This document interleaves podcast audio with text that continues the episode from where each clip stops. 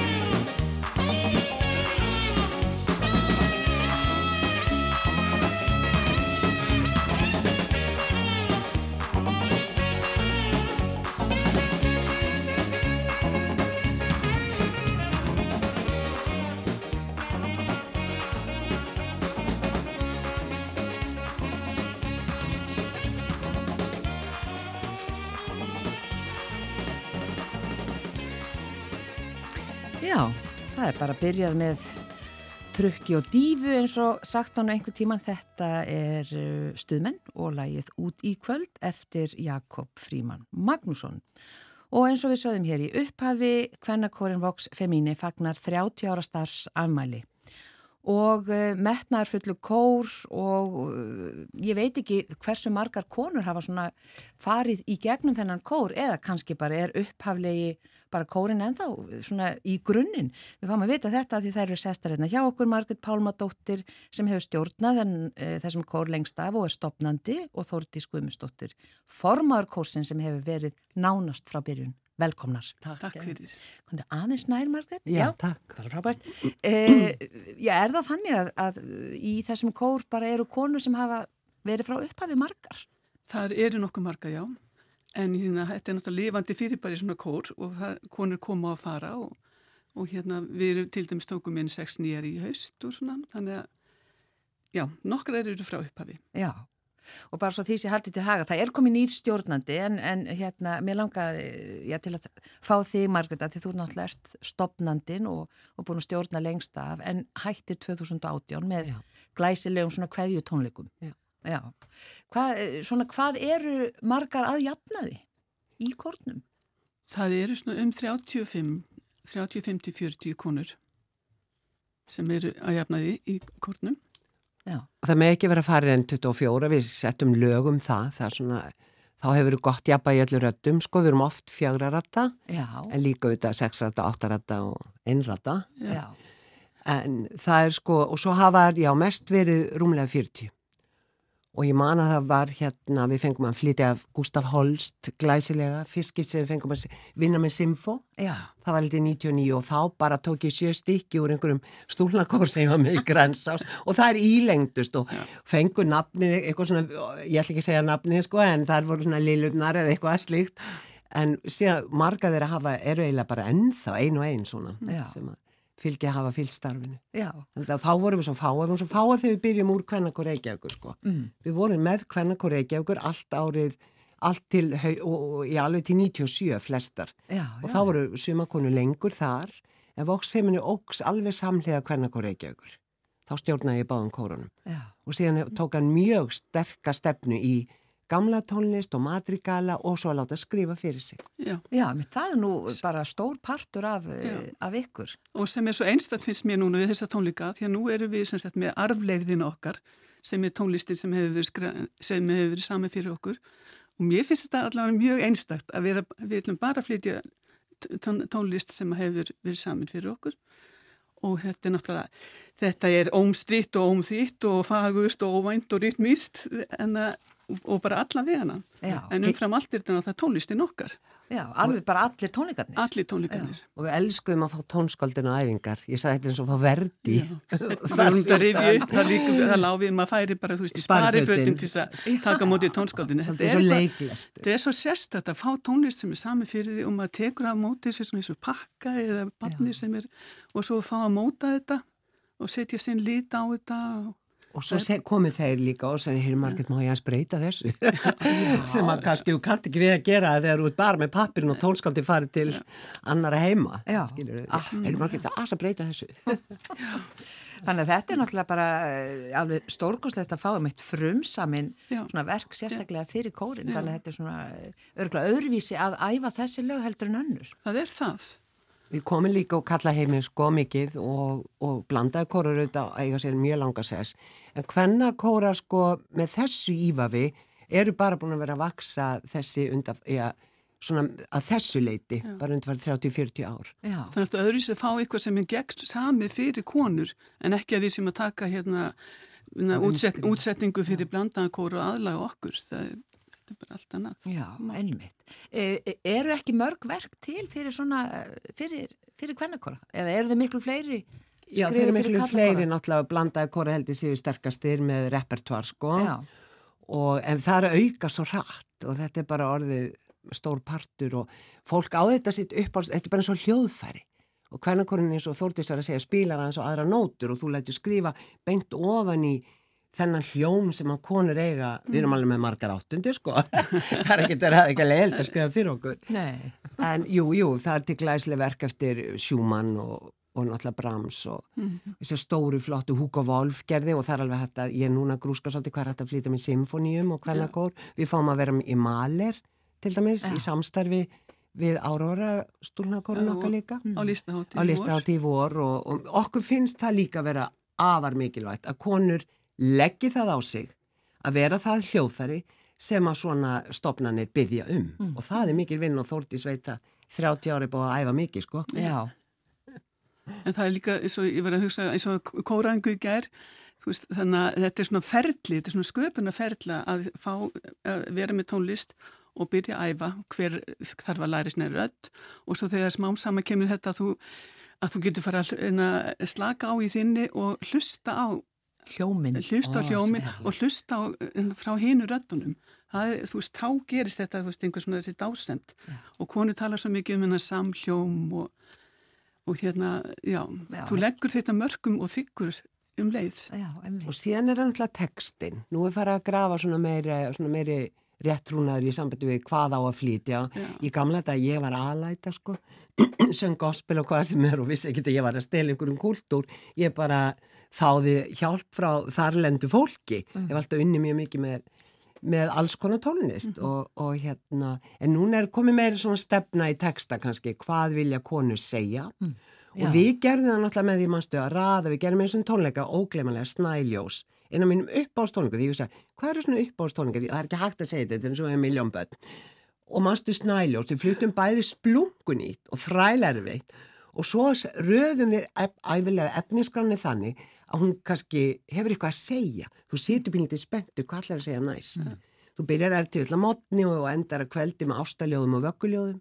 Hefur kjáftasugur í miðunni og landslag aðeins og undan skilur, morgunbæn og kveldbæn og það skiptir okkur þetta er höfumál já. okkar í voks að, að vera þetta með Þetta er náttúrulega líka þessi sköp þetta, þetta er ekki eitthvað bara í veist, sem þú setur í kassa og svo tekur næsta kassa og næsta kassa heldur þetta, þetta flæði sem þarf að vera og og stundið þarf bara að henda lögum út sko, þau passi ekki inn í. Og konur þurfa að hafa fólum að þau fá ekki að þið rétt að röð strax. Já, já, Er mikið líðræði eða, eða sko, þarf mm. framkvæmda stjóra eða einhvern bara svona sem ræður eða hvernig er það? Auðvitað, já, auðvitað er það eh, nöðsennlegt í líðræði að einhvern svona haldi um taumana, er ekki satt? Já.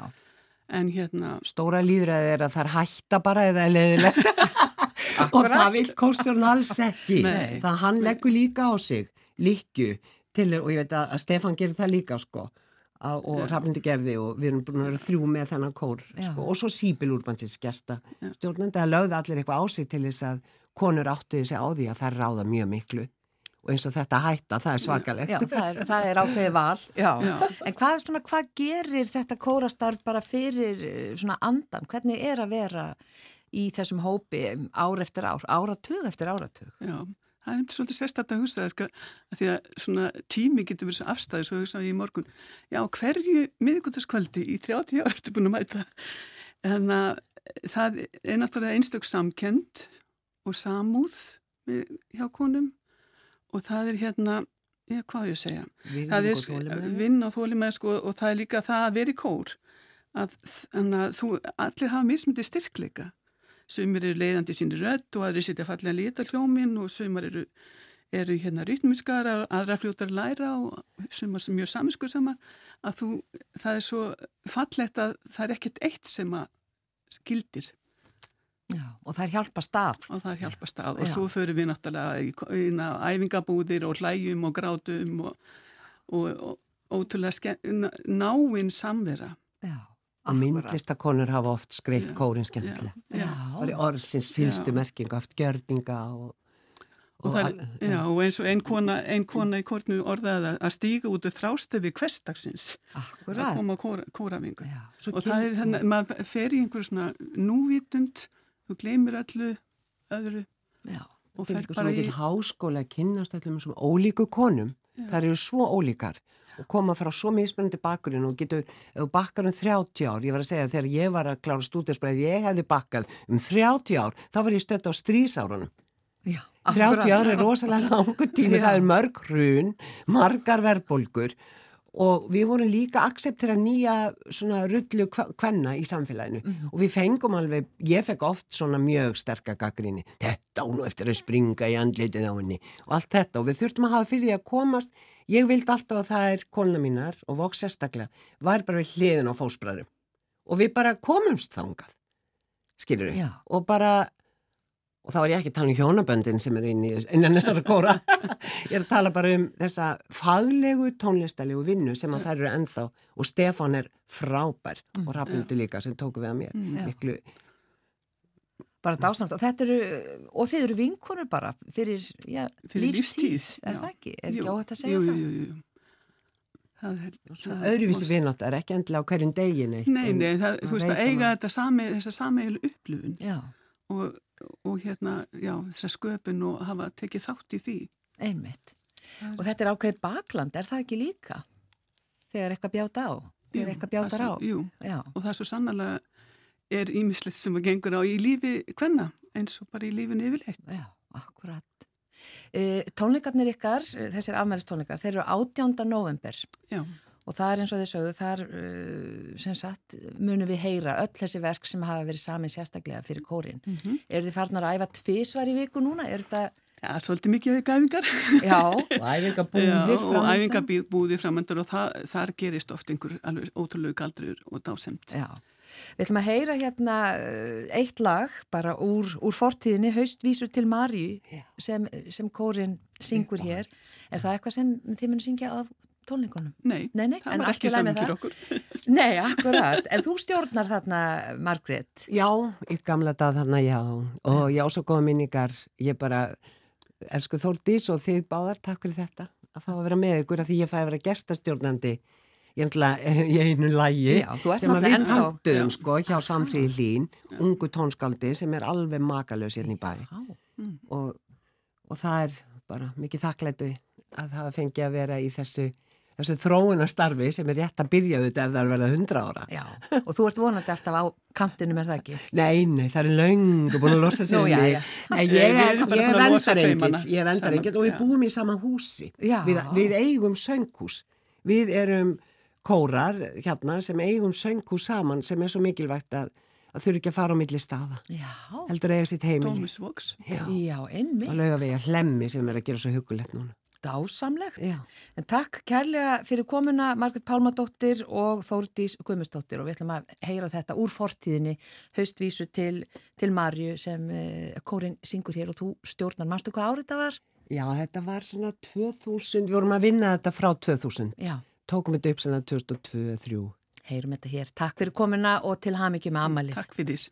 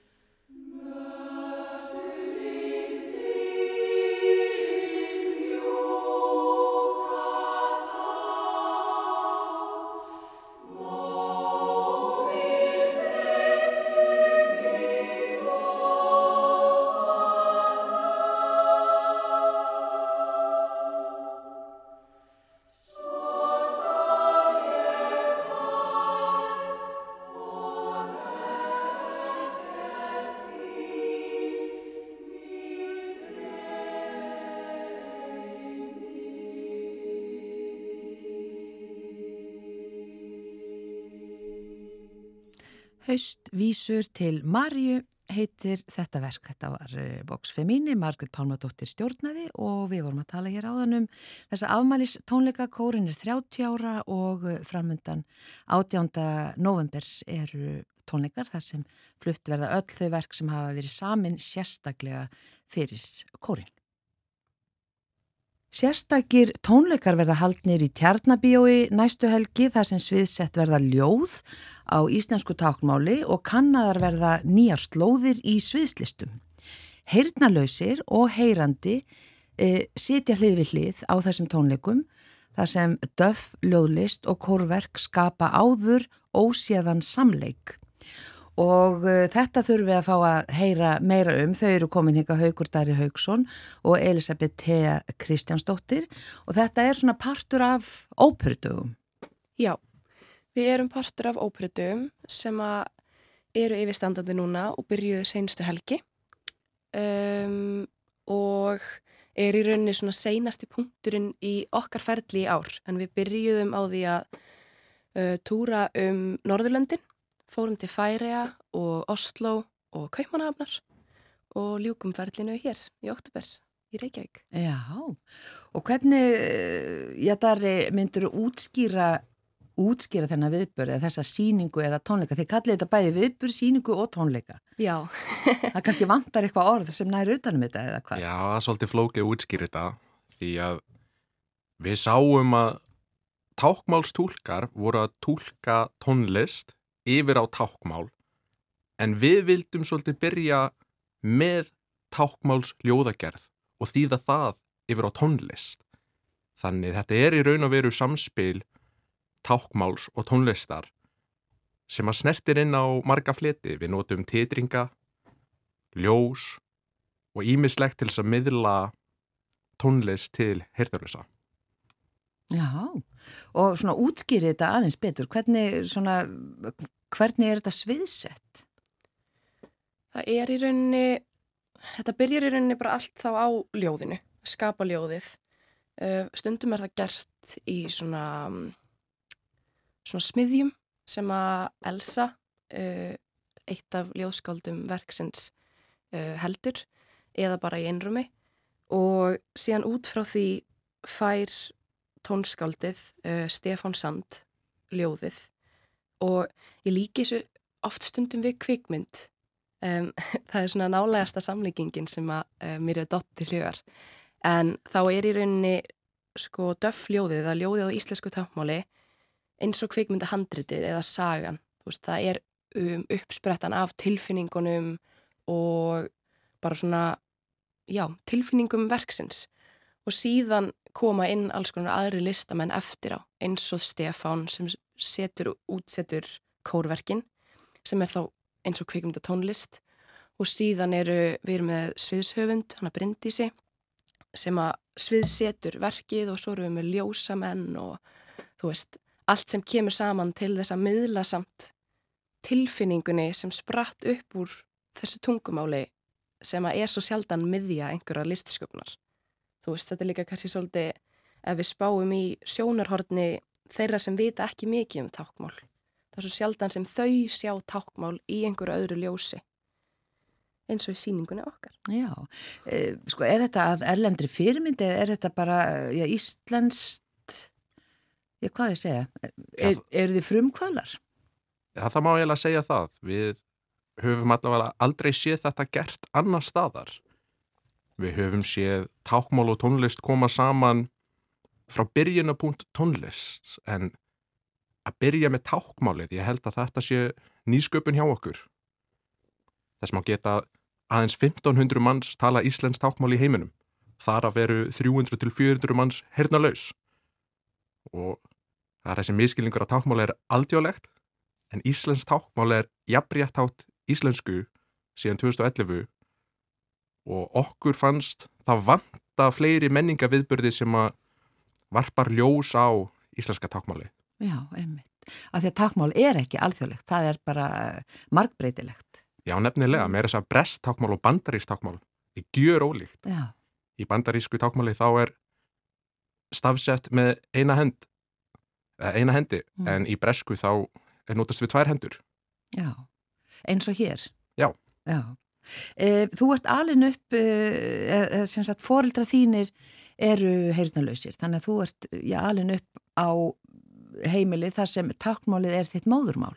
Já, ég er með íslensk takkmála móðurmáli, ég ólst upp erlendis, þannig íslenskan hefur alltaf verið svolítið erfið fyrir mig og ég, mér er alltaf langað til að syngja á íslensku en að aldrei fundi mína leið en svo með íslenska tákmálið einhvern veginn á því að tengjast við rætu mína betur og fann svona Íslendingin inn í mér með íslenska tákmálið. Já, akkurat. Svona lístu því hvernig þú svona kemur að verkinu? Já, ég hef alltaf haft mikinn áhuga á tákmál. Þetta hefur svona komið til með að skilgreina líf mitt á ákveðin máta. Ég kenni Háskóli Íslands í tákmálsfræði deilt og hef alltaf verið svona að líta út af við til svona hernulegsa menningu í Evrópu og bandaríkunum því að ég hef alltaf fundið fyrir meiri svona tengingu með hernuleysa annar staða frá heldur en heyrandi á Íslandi svo að þegar ég sá að það var byrjað að móta þetta verkefni þá gæti ekki annað gert heldur en lagt mig fram og tekið þátt í þessu. Já, og á hvaða hátt gerur það? Ég sem sagt bý til ljóð á íslensku tákmáli og flytt það upp á sviðið með undirspil frá kórnum. Tónlistin er sköpið af Stefan Sand og ég skrifaði niður öll tákmálslaugin. Já. Eh, Elisabeth, þú varst að segja hérna fram með áðan að, að, hérna, að, að því að þú ert eh, svona heldur utanum þetta allt saman eh, og þú ert að, semst, að reyna að fá fólk til þess að koma á, á þennan viðburð. Mm -hmm. En, en eh, svona þitt helsta verkefni sagður, það er eiginlega að útskýra hvernig þetta er. Já. Að því þetta er svo nýtt. Já, uh, akkurat. Það er í rauninni það er strempið um, sérstaklega um, að því að fólk er um, líklæra til þess að koma á viðburði þar sem að það er einhver svona, þau bera einhver kennsl á hvað er að fara í þessi stað. Um, þannig að ég er að reyna að stróka út þessu óvissu með því að útskýra um, með sem stuðstu móti sem er svolítið erfitt um, hvernig, hvers konar viðburður þetta er. Og það hafa alls konar uh, nýjirði reynd að spretta upp. Við erum bara öll svolítið en þá er en að feta okkur í hvað okkur líka vel við en það eru tápmáls tónleikar. Um, og svo er náttúrulega þessi frumsamda uh, í, þessi frumsöndu kórverk sem er líka bara mjög sjálfséð á Íslandi að tónlistar skáld fái tíma og laun til þess að skapa hvað er við með, ég veit ekki hversu mörg lög frumsamin við erum með bara heila tónleika af frumsöndum kórverkum mm. um, þannig að það eitt og sér er líka ótrúlegt um, og frábært fyrir sko bara kóra menningu Íslands að fá þessi þú veist þessi, þessa nótur og þessi lög um, í hendunar um, og síðan er það ljóða unnendur um, og fólk sem er bara forvitið um menningu og samfélagið. Já. Og svo sviðslistir, náttúrulega bara almennt. Við erum að sviðsetja um, leikús eða tónlist eftir hvað vingilnum að tekur á nýjan hátt. Heyrðanlausir hafa ekki tekið mikið þátt í íslenskri sviðslist þannig að við erum svolítið að kanna, kanna nýja slóðir hvað það varðar um, og getum kannski vonandi verið fordæmi fyrir fleiri sem eru forvittnir um að já, bara leifa fleirum að taka þátt já. kannski samtal sem er búið að vera í gangi í, í svolítum tíma núna. Akkurat. Já, það er bara ekkert annað en að hvetja fólk til þess að fara í Tjarnabíó á förstudaginn og sunnudaginn og kynna sér hvenna síningarnar eru og upplefa þetta því þetta er alveg einstakt og uh, þið ætla að lefa okkur að heyra hérna smá brot sem heitir hvað, snjór? Já, við hérna tókum sérstaklega upp öll lögin sem er í síningunni sem muni koma út á væntanleiri plötu og eitt af þeim lögum heitir Snjór. Um, mér þykir persónulega ábáslega væntum þetta lag vegna þess að mér finnst lagið ekki vera heilt nema maður sjáu sko tappmórsljóðið með því. Mm. Um, engum vegna þess að kórin syngur bara orðið snjór í gegnum allt lagið.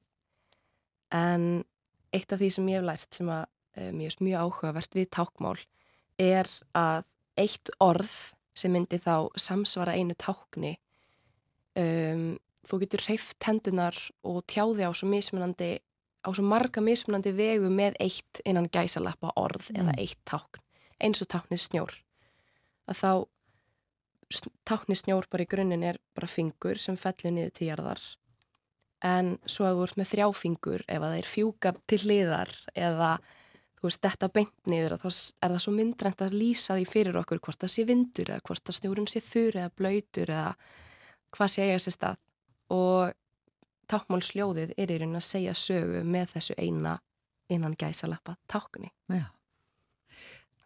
Takk kærlega fyrir komuna uh, Haugur Darri Haugsson og Elisabeth. Kristjánsdóttir. Takk fyrir. Takk fyrir mig.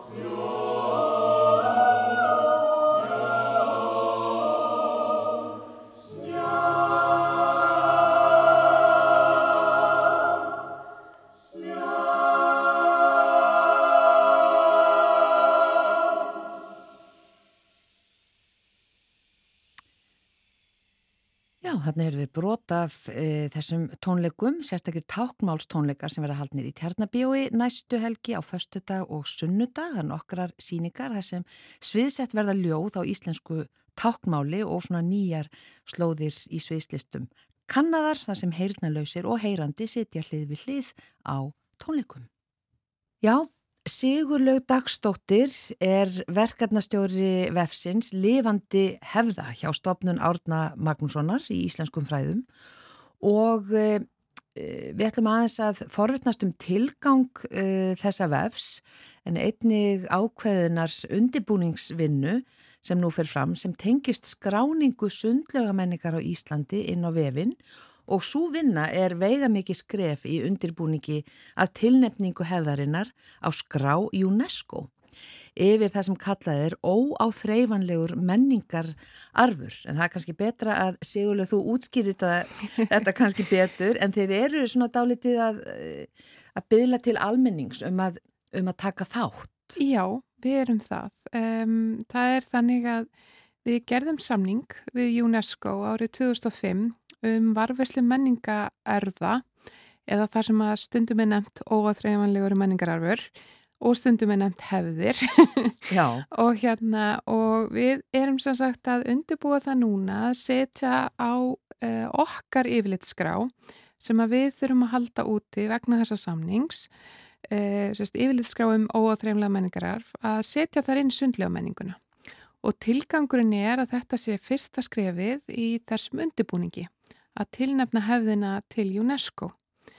Eh, við höfum tekið þátt í svona sameiliri tilnefningu til UNESCO um óaþræfumlega menningararf en við tilnefndum smíði súðbyrðingsins á samt hinnum Norðurlöndunum, Færiðum og Álandsegjum en núna sagt, ætlum við að pröfa og skoða hvort við getum farið sjálf uh, í gang með svona tilnefningarferli og þetta er svona fyrsti liðurinn í því. Já, og hvað, og hvað fæst með því að vera á þessara skrá? Uh, það þykir ákveðin viðkenning uh, fyrir aðelda þjóðir að koma hefð þarna inn. Þetta er aldrei þannilega flókiferli og þar vandaðan undirbúning En það sýnir líka UNESCO að við séum svolítið að reyna að vanda okkur þegar kemur á þessum samning og þetta er viss prófsteinn í því að við skiljum og áttum okkur á mikilvægi hans, samningsins að sagt. Já, akkurat. Hvað, svona hvað, já þetta er náttúrulega já, menningar arfleith eins og þið segir sem flist frá kynslo til, til kynsloðar, þannig að þarna er, e, eru sundlu svona okkar hvað ég segja, félagseimili, kaffihús eða þetta er svona einhver fundastadur? Þetta er okkar fundastadur myndi ég al algjörlega segja og, og ég held að það sé ekki þetta ástæði lausu sem að fólki er oft bent á ferðamönnum sem hinga að koma að ef þið vilji hitta Íslandinga og, og sjá það svona í sínu rétta ljósi þá skulle þið skella sér í almenningssundlegina af því að þar séu Íslandingar og hérna ég held að þetta hafi verið, þetta var náttúrulega alls ekki mín ákurinn að velja þessa hefð. Mm en uh, ég er mjög ána með þetta val hjá menningar og viðskiptaraðanetinu að ákveða þetta væri svona fyrsta hefðin sem við ætlum að pröfa. Af því hún er svo útbreytt og svo almenn og svo hverstagsleg og einstaklisbundin þannig hún saminar einhvern veginn svo marg, uh, mörg gildi og merkingu hefða fyrir okkur öll Eh, margi fær í sunda á hverjum degi, sem er stunda þetta bara einu sinni tjóðsóra ári, sem er kannski bara aldrei en þekkja til hefðarina samt sem áður. Og eh, þetta er eitthvað sem við kennum börnunum okkar frá unga aldrei að fara í almenningslaugina, læra þar vissa reglur og líka vissar óskráðareglur sem er líka svona merkilegur eh, þáttur í þessari hefð að læra hvernig maður ber sig að í sundi.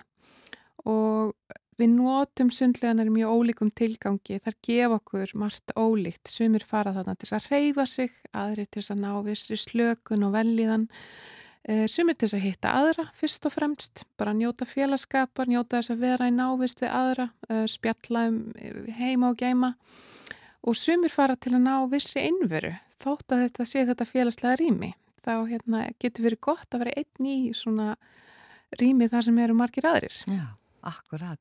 Og það er svo merkilegt að svona Íslendingar sem búa erlendis í einhver tíma, þetta er svona kannski efst á listanum sem þeir sakna hvað mest að heimann, það Já. er sundin og jafnir þótt þeir hafi ekki farið mikið eða oft Algjörlega. í sund. Það er stundum bara sko, að vita af því að almenni sundlegin sé skamt frá og maður getur skessir í sund, bara svo, svo hugmynd hugamann sko.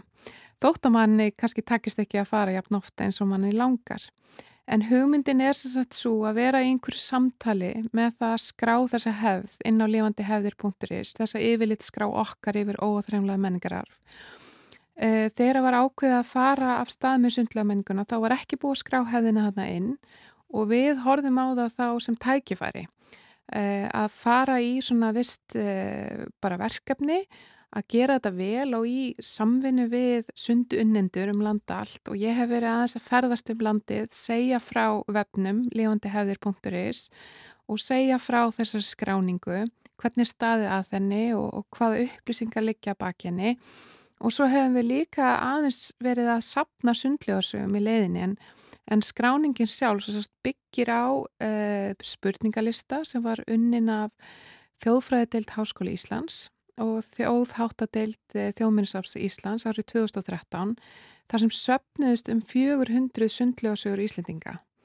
Og skráningin byggir að stórum hluta á e, sagt, þeirri vinnu sem var lögð í þessa spurningaskrá og eins afskaplega um, skemmtilegum og fróðlegum rítgerðum sem hafa verið skrifað, skrifið, skrifaður undanfærin ár í þjóðfræðadeildinni og eins mjög falleri og vegleri bók sem kemur út núni í haust og er einmitt eftir tvo þjófræðinga og fjallar um sundlega menningu Íslandinga frá svona aldamótonum eh, 1900 fram á okkar daga og heitir einfallega Sund.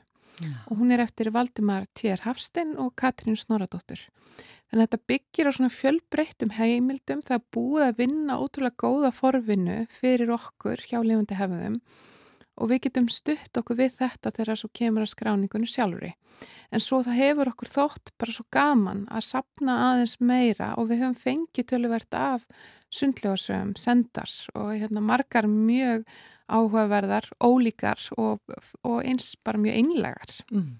En sundlega að sagja, er það bara ég að fara í sund Já. og svona hvers ég er að njóta Já, þó við... þessi stutt og laggott? Það... Já, það hafi verið allt frá bara mjög stuttum svona lýsinga á því hvað fólk gerir í sundi og hvað merkingu það hefur fyrir það að fara í sund til dæmis á hverjum degi til bara frekar svona ítalega sögu um tengsl fólks við sundhefðina alveg frá esku fram á fullónusár sko og hérna þannig að þetta hefur svona viss breyttið þessum sögum sem við fengið mm. Og þið viljið meira? Við viljum meira endilega. Við erum svo að fara núna á laugadaginn að hafa smá viðbur þar sem við ætlum að setja skráninguna ofinbarlega á lifandihefðir.is. Viðburinn veður í ettu, sagt, í húsi uh, uh, árnastofninar og hann byrja klukkan 13 og hann verður þar í fyrirlestarsalnum og þar ætlum við sagt, að hafa sundu unnendur hinn á þessa sem koma saman og segja aðeins frá sinni svona, eh, sínum sundtengingum. En við ætlum sérst að byrsta þessa skráningu ofinberlega en við erum ekki alveg hægt, við ætlum að halda áfram þessu samtali og ég mun fara vonandi á fleiri staði uh, viða um landið og, hérna, og það er hægt að fylgjast með þeim viðbyrðum inn á sundljámenning á Íslandi á Facebook og, hérna, og eins inn á levandihefðir.is og það, við ætlum að leggja þetta svolítið í svona núna skráningin komin og þá viljum við fá að heyra líka frá fólki svona finnst þeim vant eitthvað, hvað finnst þeim um þetta, er þetta nóg almennt, er þetta nóg vítt, glimtum við einhverju? Þannig að UNESCO vil endilega sjá að við vöndum okkur mm. og sérstaklega hvað var það samtal við almenning og þá sem eru að stunda hefðina. Já, og, hvað, og hvenar er þetta svo samþygt eða? Já, sko, þetta er náttúrulega bara fyrsti þátturinn af rosalega mörgum sem við þurfum að stíga í þessu ferli. Um leið og skráningin er orðin til, þá megum við fara að undirbúa tilnefningan og sjálfa og það mun taka vissan tíma. E, það eru komin ákveðin svona drög en, en við þurfum að vinna þau betur og halda áfram að, að hérna, vanda til þeirra. Svo þarf að búa til kvikmynd og það þarf að útvega ljósmyndir sem eru lýsandi fyrir hefðina eins og hún stundi í dag og annað og síðan þarf sko ráðinitið að vera með svona puttan í þessu líka því það er alltaf ríkistjórn hversland sem ákveður aðtilnefna og ákveður að fylgja tilnefningunni eftir og þess vegna þurfum við líka sérstaklega að vanda okkur. Ljómandi, þá bara hvetu við fólk til að uh, taka þátt Já, og Ekki mæta á laugadaginn. Og mæta á laugadaginn í eddu. Þú sagði klukkan hvað er það? Klukkan eitt. Klukkan eitt, einmitt, Sigurlega Dagstóttir. Kæra þakkir Takk fyrir þetta og við bendum á vefin sem er lifandihefðir.is. Já, takk. Augun þín blá eru mitt ljósa ljós Munnur þinn hýr rósa rós. Öll ertu lík. Álfum í skó. Og því áttu skilir rósa rós. Ekkert ég veit. Fegur að fljóða